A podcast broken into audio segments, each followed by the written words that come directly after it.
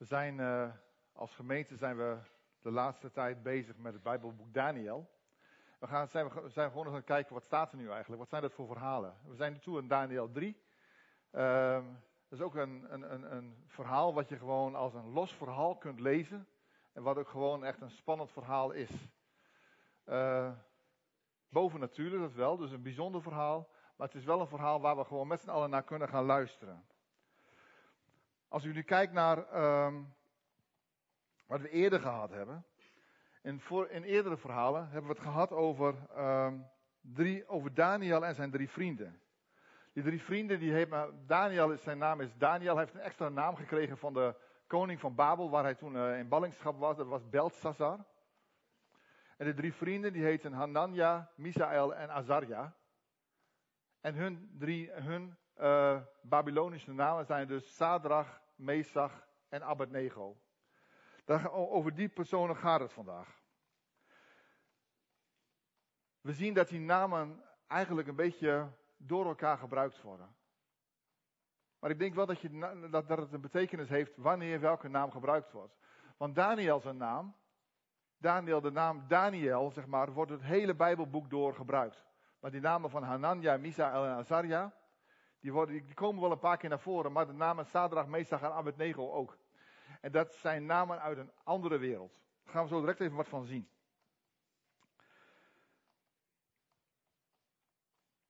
Uh, vorige keer, ik heb hierbij staan, zwart, zwart of wit. Nou, dat gaat, vandaag, gaat over vandaag. Dat is de, mensen die vandaag in het verhaal voor naar voren komen, die moeten echt een keuze maken. En dat is een hele radicale keuze, dat zullen we straks zien. De vorige keer ging het over Nebuchadnezzar die een droom had. En dat was een hele uh, spannende droom voor hem. Hij wist, hier moet een speciale betekenis aan zitten. En ik wil niet dat ze mij iets op de mouw spelden. Dus ik wil gewoon zeker weten dat ze de betekenis hebben. Dus hij vroeg, je mag me die droom wel, je mag me de uitleg ervan wel vertellen, vroeg hij aan de wijzen. Maar dan wil ik ook dat je me de droom vertelt. Dan weet ik zeker dat je, dat je gelijk hebt. Maar de geleerden, die konden dat niet navertellen.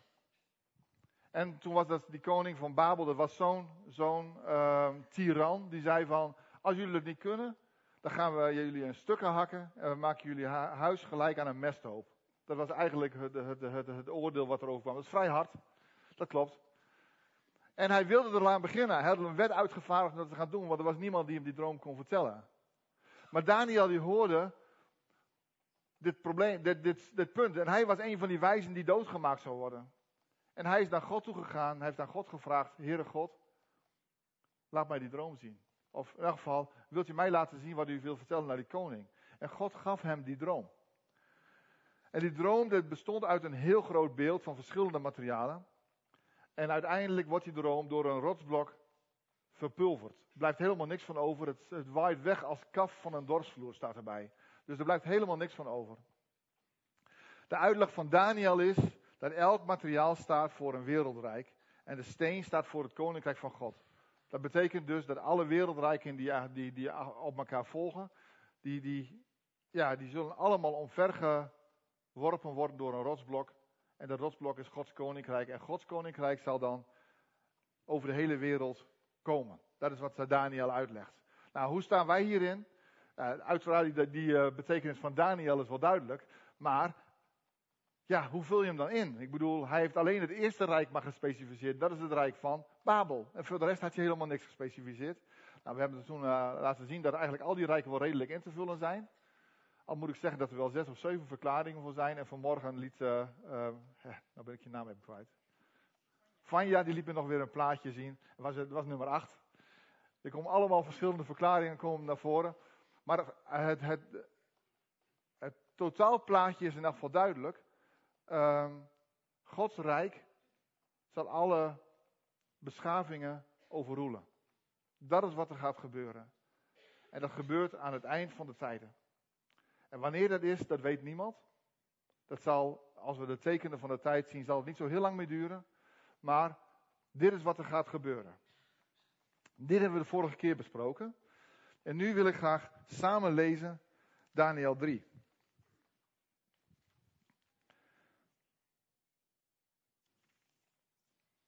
En daar staat, de vorige keer heb ik Daniel 2 gelezen trouwens uit herziene statenvertaling. En toen heb ik even met een aantal mensen gepraat. En eigenlijk was het belangrijkste wat naar voren kwam, gebruik even een iets eenvoudigere vertaling, omdat het een verhaal is. Dus ik heb hier nu de Grootnieuwsbijbel. Dat is iets, die komt iets dichter bij ons Nederlands. Koning Nebukadnezar had een gouden beeld laten maken van bijna 30 meter hoog en 3 meter breed. Hij liet het plaatsen in de Dura-vlakte in de provincie Babel. Uh, bijna, moet je voorstellen, dat het, ik heb hier een flat bijgezet van, volgens mij zijn dit 10 verdiepingen. Een flat van 10 verdiepingen en dat is ongeveer net zo hoog als het beeld. Dus dat is een knoepert van een beeld. Echt een knoepert van een beeld. Van goud. Waarschijnlijk is het een beeld geweest van steen wat overtrokken is met goud. Want massief goud, dat is gewoon eigenlijk niet uit te voeren. Maar het uiterlijk van het beeld was volledig van goud. Dus het was echt indrukwekkend. Dit kan ook niemand zijn ontgaan die in de buurt woonde. Dit is gewoon iets wat daar staat. Het is, is een skyline bepalend iets. En op het moment dat je daar in de buurt komt, dan denk je bij jezelf, wat is dat? Dat wil ik gaan bekijken. Dat was het beeld wat hij daar neergezet heeft. Daarna ontbood hij alle hooggeplaatste personen die bij het bestuur van de provincies betrokken waren. Satrapen, stadhouders, gouverneurs, raadsleden, hoge belastingambtenaren, rechters en magistraten. Zij moesten aanwezig zijn bij de inwijding van het beeld.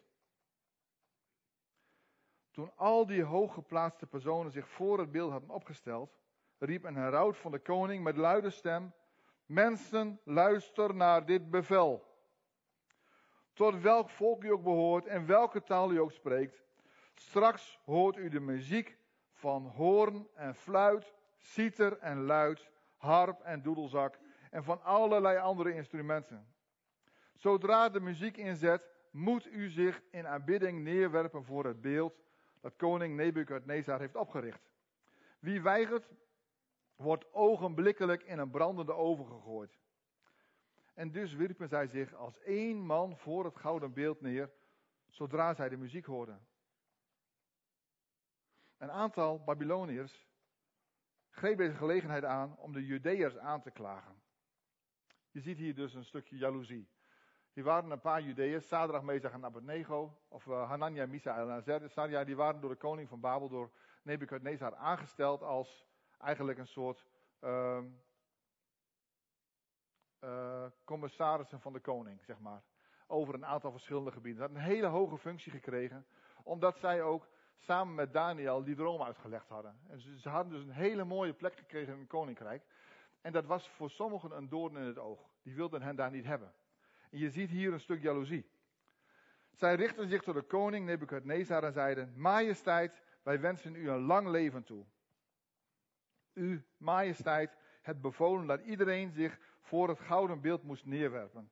Zodra hij de muziek hoorde van hoorn en fluit, van citer en luid, harp en doedelzak en van alle andere instrumenten. Wie weigerde het beeld te aanbidden, zou in een brandende oven worden geworpen. Nou, ze hebben goed geluisterd. Het is letterlijk hetzelfde. Er zijn echte Judese mannen, majesteit, die uw bevel negeren. Het zijn de mannen aan wie u het bestuur over de provincie Babel hebt opgedragen. Sadrach, Mesach en Abednego. Hier komen in keer de Babylonische namen naar voren. Ze worden niet aangekondigd als Hanania, Misael en Azaria, wat hun naam is, wat hun identiteit is. Dan stel je voor dat ik jou een naam zou geven die compleet afwijkt van jouw eigen naam. Dan voel je je nog steeds zoals je bent. Je voelt je nog steeds hetzelfde. Dus jouw naam hoort bij jou. Die namen zijn afgepakt en die worden hun, nu worden hun andere namen die worden gewoon gebruikt. Zij vereren uw goden niet. Zij willen het gouden beeld dat u hebt opgericht niet aanbidden. De koning ontstak in hevige woede en gaf opdracht Sadrach, Mesach en Abednego te halen. Toen zij voor hem geleid waren, vroeg Nebukadnezar hun, is het waar, Sadrach, Mesach en Abednego, dat jullie mijn goden niet willen vereren? Weigeren jullie het gouden beeld te aanbidden dat ik heb opgericht? Jullie kunnen je nog bedenken en je voor het beeld neerbuigen zodra je de muziek hoort. Maar doen jullie dat niet, dan laat ik je ogenblikkelijk in de brandende oven gooien. Welke God zou jullie dan nog uit mijn macht kunnen redden? Nou, dit is een vrij stevige uitspraak van deze koning. Een hele stevige uitspraak. Um, Jullie kunnen je nog bedenken, dat is één dingetje. Hij was echt heel genadig naar hen toe. Blijkbaar mocht hij ze graag. Blijkbaar vond hij het heel jammer dat zij, dat zij diegene waren om wie het nu ging. Dus hij gaf ze nog één kans. Maar hij zegt er gelijk bij, maar als je het niet doet, houd het gelijk op.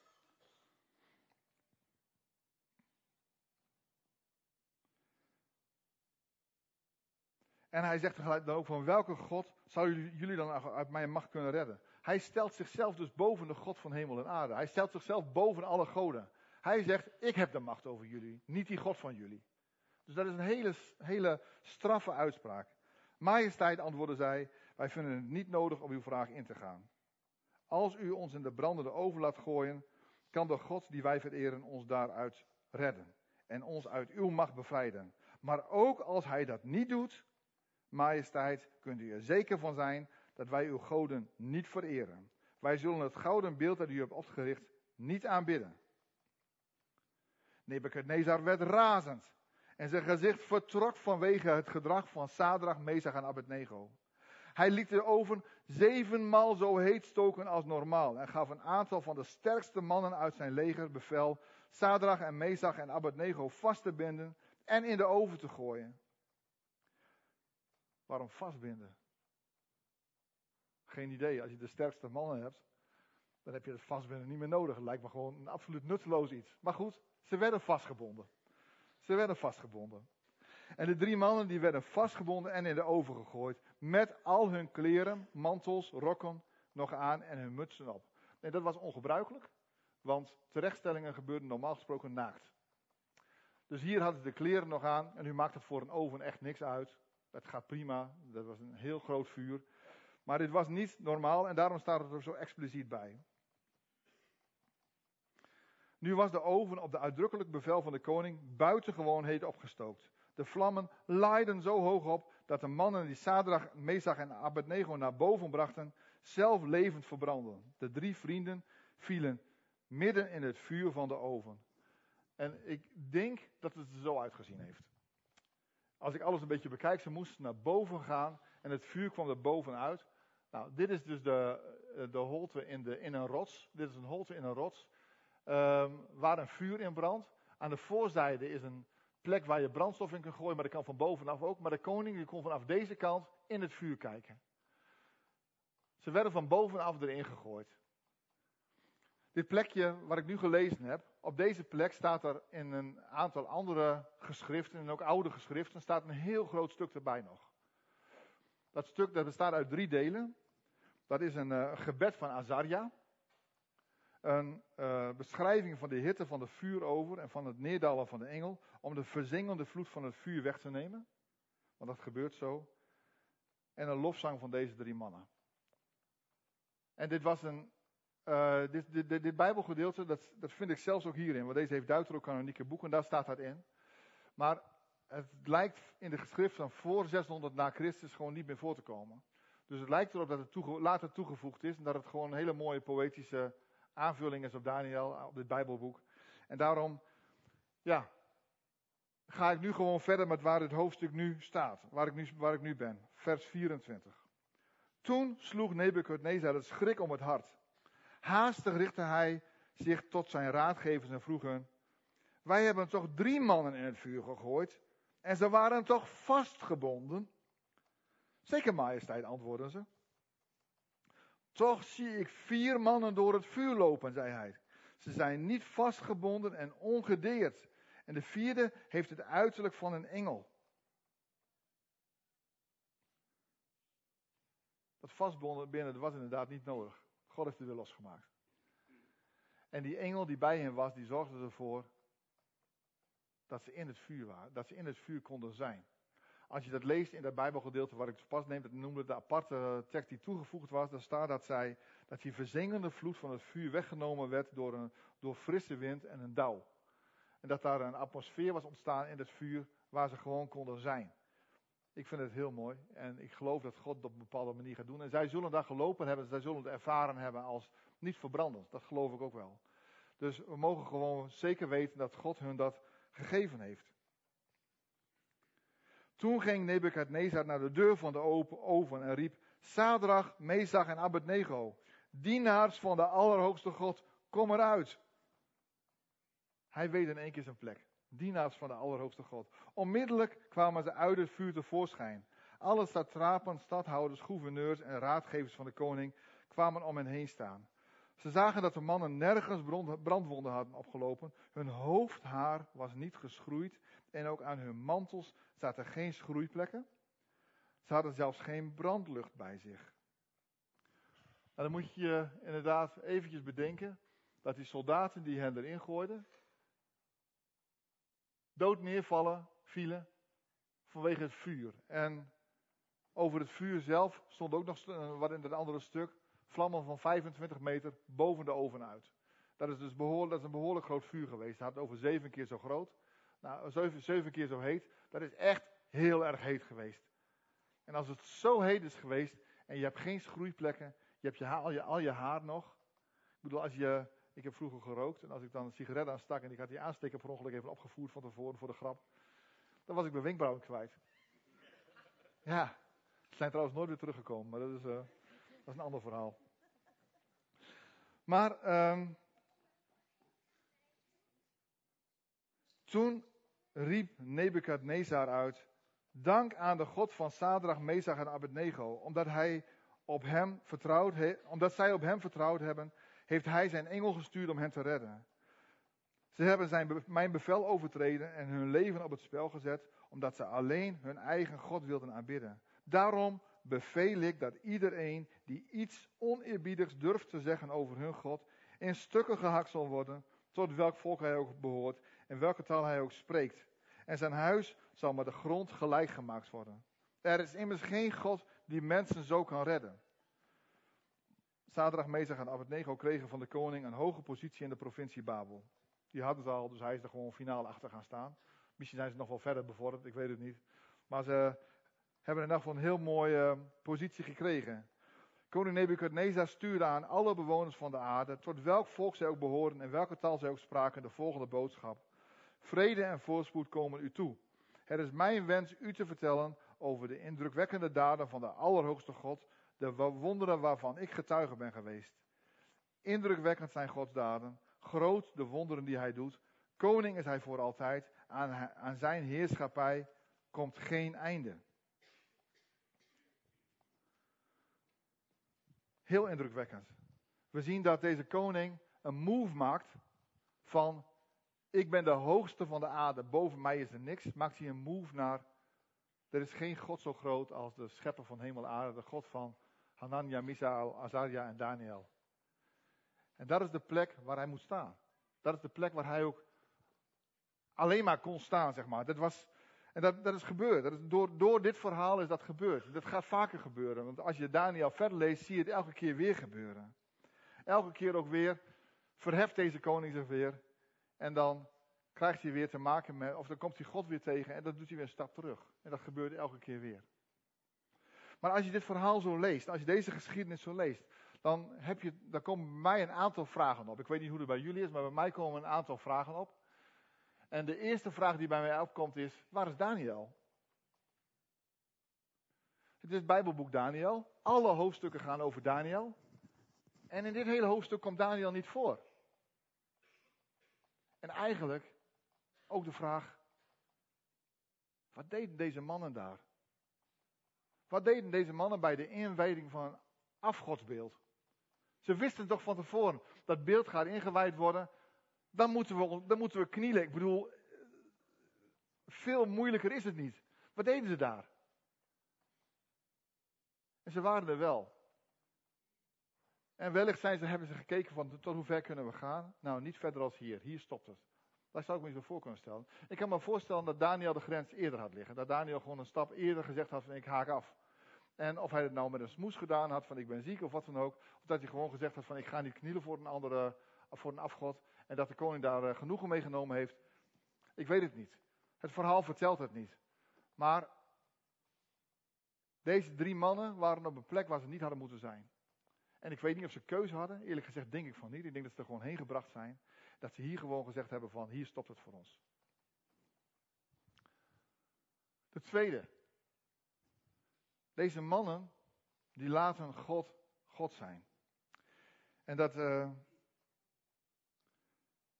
zie je in het gesprek tussen de koning en, de, en uh, Sadrak, Mesach, of uh, Hanania, Misa en Azaria. Je ziet, het, je ziet aan het gesprek. Daar staat op een gegeven moment. Um, Majesteit antwoordde zij: Wij vinden het niet nodig, nodig op uw vraag in te gaan. Als u ons in de brandende oven laat gooien, kan de God die wij vereren ons daar zo uit redden en ons uit uw macht bevrijden. Maar ook als hij dit niet doet, majesteit, kunt u er zeker van zijn dat wij uw goden niet vereren. En dit is, een, dit is wel een, een spannende. Want ik kan me voorstellen dat wij met z'n allen zouden gaan zeggen van, uh, God kan het toch doen, dus waarom doet hij het niet? Die vraag die hoor ik best wel vaak. Ik zie zoveel moeite, zoveel leed. Waarom doet God hier niks aan? Ik heb vanmorgen die vraag nog van iemand gehad. En dat is inderdaad een hele spannende vraag. Waarom doet God hier niks aan? Nou, we zien hier zien we dat, deze, dat het voor deze mannen niet een voorwaarde is om God te kunnen dienen. Zij dienen God of hij hen nog gaat helpen, of niet. En dat is een gegeven wat best een hele moeilijke is, want de consequenties kunnen heel groot zijn. Dit kan hun hun leven kosten. Dit kan, hun, ja, dit kan de goede naam van God kan dit misschien zelfs wel kapot maken. Weet ik veel wat je hiervan kunt zeggen. Maar zij zeggen van, het hangt daar niet van af. Habakkuk zegt dat ook. In Habakkuk 3 lezen we dat, dat hij zegt van, al zou de vijgenboom niet bloeien, al zou er geen vee in de stallen zijn, in onze taal gezegd, al zou de jumbo leeg zijn en de Albert Heijn niet bevoorraad kunnen worden, al zouden we geen eten en drinken kunnen hebben. Toch zal ik mij verblijden in de Heer en God op nummer 1 laten staan. En die houding mogen we echt van hun leren. Dus dat we het volgen van de Heer, Heer Jezus, het dienen van God, niet laten afhangen van of het goed met ons gaat of niet. Niet van de omstandigheden, maar dat we Hem gewoon God laten zijn.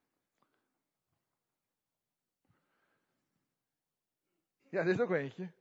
Ik dacht bij mezelf, had het nu, nu niet even een beetje eerder gekund? Dat bijvoorbeeld dat er een regenbui komt, dat die over uitgaat of zo. Of uh, dat, dat, dat, dat er iets, iets gebeurt, dat ze in één keer niet meer hoeven te knielen of zo. Nee hoor, ze moeten echt in het vuur. Eigenlijk was het gewoon te laat. Eigenlijk waren ze gewoon te ver. Maar in dat vuur bracht God redding. Als degene die hen erin gooien, die gingen, uh, die overleefden het niet. Maar zij gingen in het vuur en toen, toen pas kwam God met de redding. Maar waarom zou het ook eerder zijn moeten? Waar moet een marge in zitten? Waar, dat, dit is wel een dingetje waar ik, uh, waar ik eigenlijk heel vaak zie. Dat als God uh, boven natuurlijke manier ingrijpt, doet hij dat heel vaak op het laatste moment. En dat is niet om, uh, om, omdat wij, om het spannend te maken of zo, denk ik. Maar gewoon omdat het zo is. Eerder hoeft niet. Dit, eerder hoefde niet als dit. En hiermee werd het wel uh, extra spannend. En ik denk dat het verhaal hiermee, de geschiedenis, de, de, het wonder van God ook duidelijker zichtbaar werd hierdoor. Want stel dat er een regenbui gekomen was en de oven was uitgegaan en uh, ze kregen er met geen mogelijkheid meer aan. En dan was het verhaal wel spectaculair geweest. Maar dit laat zo duidelijk zien de grote macht van God. En daar mogen we gewoon van genieten. Dit is in het leven van deze mannen een hoogtepunt geweest. Dit was geen dagelijkse kost. Het was niet zo dat zij dit vandaag hadden en volgende week weer zoiets, de week erop weer zoiets en vorige week ook gehad hadden. Nee, dit was een hoogtepunt. Dat is een van de hoogtepunten geweest uit hun leven. Want ze hebben ook in het begin, in Daniel 1, hadden ze ook al een bijzonder hoogtepunt gehad toen zij uh, een heel beperkt dieet kregen en aan het einde van de week er super gezond uitzagen, wat tegen alle verwachtingen in was. Dat was ook al heel bijzonder. Maar dit was ook echt een hoogtepunt. En dat zie je in de Bijbel meer. Als je kijkt bijvoorbeeld naar Abraham, kun je zeggen, Abraham was een gelovige man, hij sprak met God, dat klopt. Maar als je de contactmomenten tussen God en Abraham ziet, en hij is bijna 200 geworden geloof ik, dan, dan zijn het maar een stuk of vier, vijf momenten geweest. Dus dat is om de 30, 40 jaar was, was er zo'n moment. En daartussendoor moet je het dan wel redden verder. En je moet wel blijven geloven en blijven vertrouwen. En ik zie zo vaak dat wonderen wennen. Iemand, iemand krijgt een wonder mee. Iemand die wordt geneest op een bovennatuurlijke manier. En ik wil je blijven zeggen, Klaas-Jan, blijf dit vertellen. Niet alleen omdat wij het horen, maar ook dat jij zelf dit wonder blijft ontvangen. Want een wonder wendt. Een wonder wendt, echt waar. Wij hebben mensen zien genezen die, die, die nauwelijks konden lopen. Hebben we mee gebeden en die genazen op dat moment. En drie, drie weken later vroegen we, hoe gaat het met je? En hadden ze helemaal niet door waarom we dat vroegen. Zo snel wendt dat. Dat is echt heel bijzonder. Dus dit is iets wat ik ook echt mee wil geven. Deze mensen hebben iets heel groots meegemaakt in hun leven. Maar daarmee wijkt hun leven niet echt af van de levens van ons. Want veel van ons hebben ook een wonder meegemaakt, op welke manier dan ook. En dit is dan wel heel groot en ik ken niemand die in het vuur gezeten heeft behalve zij. Maar God zegt niet voor niks, richt gedenktekens op. Ik weet niet of je nog een foto hebt van die fiets die kapot gegaan is. Waarmee je tegen die auto aangereden. Hang die foto ergens op. Op een plekje. Dat je er gewoon naar kunt kijken. Dat je gewoon weet, God heeft mij beschermd. Deze week sprak ik met, uh, met Cor. En Cor die vertelde mij dat, uh, eigenlijk vol trots, vertelde hij mij van zijn zoons. Die waren op een concert geweest van Normaal, een aantal keren. En bij een van de liederen moest de hele zaal moest knielen. En zo deden ze dat niet. Iedereen knielde en zij bleven staan. De mensen om hen heen zeiden hun, knielen? Nee, gaan we niet doen. We gaan niet knielen. Want we knielen alleen voor Jezus Christus. En dat, ja, ik heb aan Tom gevraagd, mag ik dit vertellen? Ja, Tom vond het goed dat ik dit vertelde. Ik denk dat het eigenlijk bijna niet tastbaar dat dicht, dichtbij kan komen. Ik bedoel, zij werden niet in een vurige oven geworpen, maar je staat er wel even te kijken. En dat is goed. Dit was een goede manier om te kijken te staan. En ik denk dat, je, dat we ook gewoon mogen weten, als er van ons gevraagd wordt, aanbid een afgod of, of onderwerp je aan een ander dan God. Je hebt keus. Het is redelijk zwart-wit, licht-donker. Er is eigenlijk geen grijs gebied op dat gebied.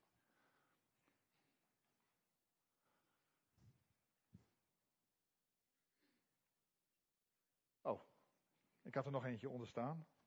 Ehm, wat ik hier ook bij wil, uh, bij, bij, wil zeggen is, um, ja, wat mag het je kosten? Zij gingen God volgen, zij volgden God. En zij wisten, dit kan ons het leven kosten. Als jij een volgeling van God bent, wat mag het je kosten? Hoe ver wil je gaan? Ik, ik ga hier geen antwoorden op geven. Hè? Dit is een gedachte die je zelf mee mag nemen naar huis. En waar je ook gewoon voor jezelf uh, antwoorden op mag zoeken. Um, op het moment dat wij te maken hebben met uh, situaties waar we van denken we hebben een wonder nodig. Want het gewone werkt niet meer. Dan wil ik je echt vragen, blijf bidden. Blijf het van God vertrouwen. Ik heb deze week voor de tweede keer een meeting georganiseerd voor mensen met long covid. En um, dat doen we online, want een aantal van die mensen kunnen gewoon niet, niet eens uit huis komen. Eentje die, van die er deze week bij was, die kon niet eens van bed komen. En die mensen die vereenzamen en die staan er helemaal alleen voor in hun beleving. En het is hopeloos. Het is echt hopeloos. En voor hun is dit verhaal, denk ik, heel bemoedigend. Want voor deze mensen was het ook hopeloos. Er was geen hoop. Het enige wat er met hun kon gebeuren was dat zij in die oven zouden vallen. En dat gebeurde ook daadwerkelijk. Maar God staat erboven. En um, ja, als, als, jullie ook mensen weten die graag bij zo'n bijeenkomst zouden willen zijn. Het is gewoon via WhatsApp doen we dat. We waren een klein groepje deze keer, maar die groep die kan natuurlijk heel groot worden. Geef het dan eventjes aan. Dan, uh, dan de volgende keer is vrijdag over een week. Dus aanstaande vrijdag over een week. En dan morgens om 11 uur. Dat is het moment dat de meeste mensen redelijk wakker zijn. Daarom doen we dat dan. En um, geef het eventjes aan, dan gaan we samen bidden. We gaan samen deze situatie, deze hopeloze situatie ook bij God brengen. En God is degene die het kan. Maar zelfs, als het doet, zelfs al doet hij het niet, dan nog willen wij hem groot maken, hem loven en hem prijzen. Ik zou graag samen willen bidden. En uh, ja, de muziekgroep die mag wel naar voren komen.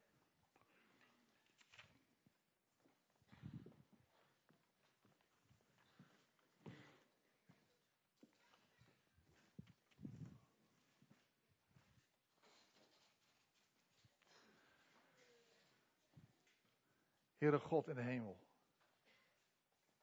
U regeert. Het loopt u nooit uit de hand. U weet precies wat er gebeurt. En we bidden u, Heer, help ons om op u te vertrouwen. Wat er ook gebeurt, hoe het ook gaat. Heere God, we weten dat u in kunt grijpen in elke situatie. Maar zelfs als u dat niet doet, willen we u loven en prijzen, u eren en bidden. Help ons, Heere God, om deze geschiedenis op ons in te laten werken. En om te kijken wat u ons hiermee wilt vertellen. Dank u wel, Heere God, voor uw wonderen. En dank u wel dat u ze op deze manier ja, met ons deelt. Zodat we weten, u bent degene die dit allemaal kan. We eren u en we aanbidden u, want u bent goed. Halleluja. Amen.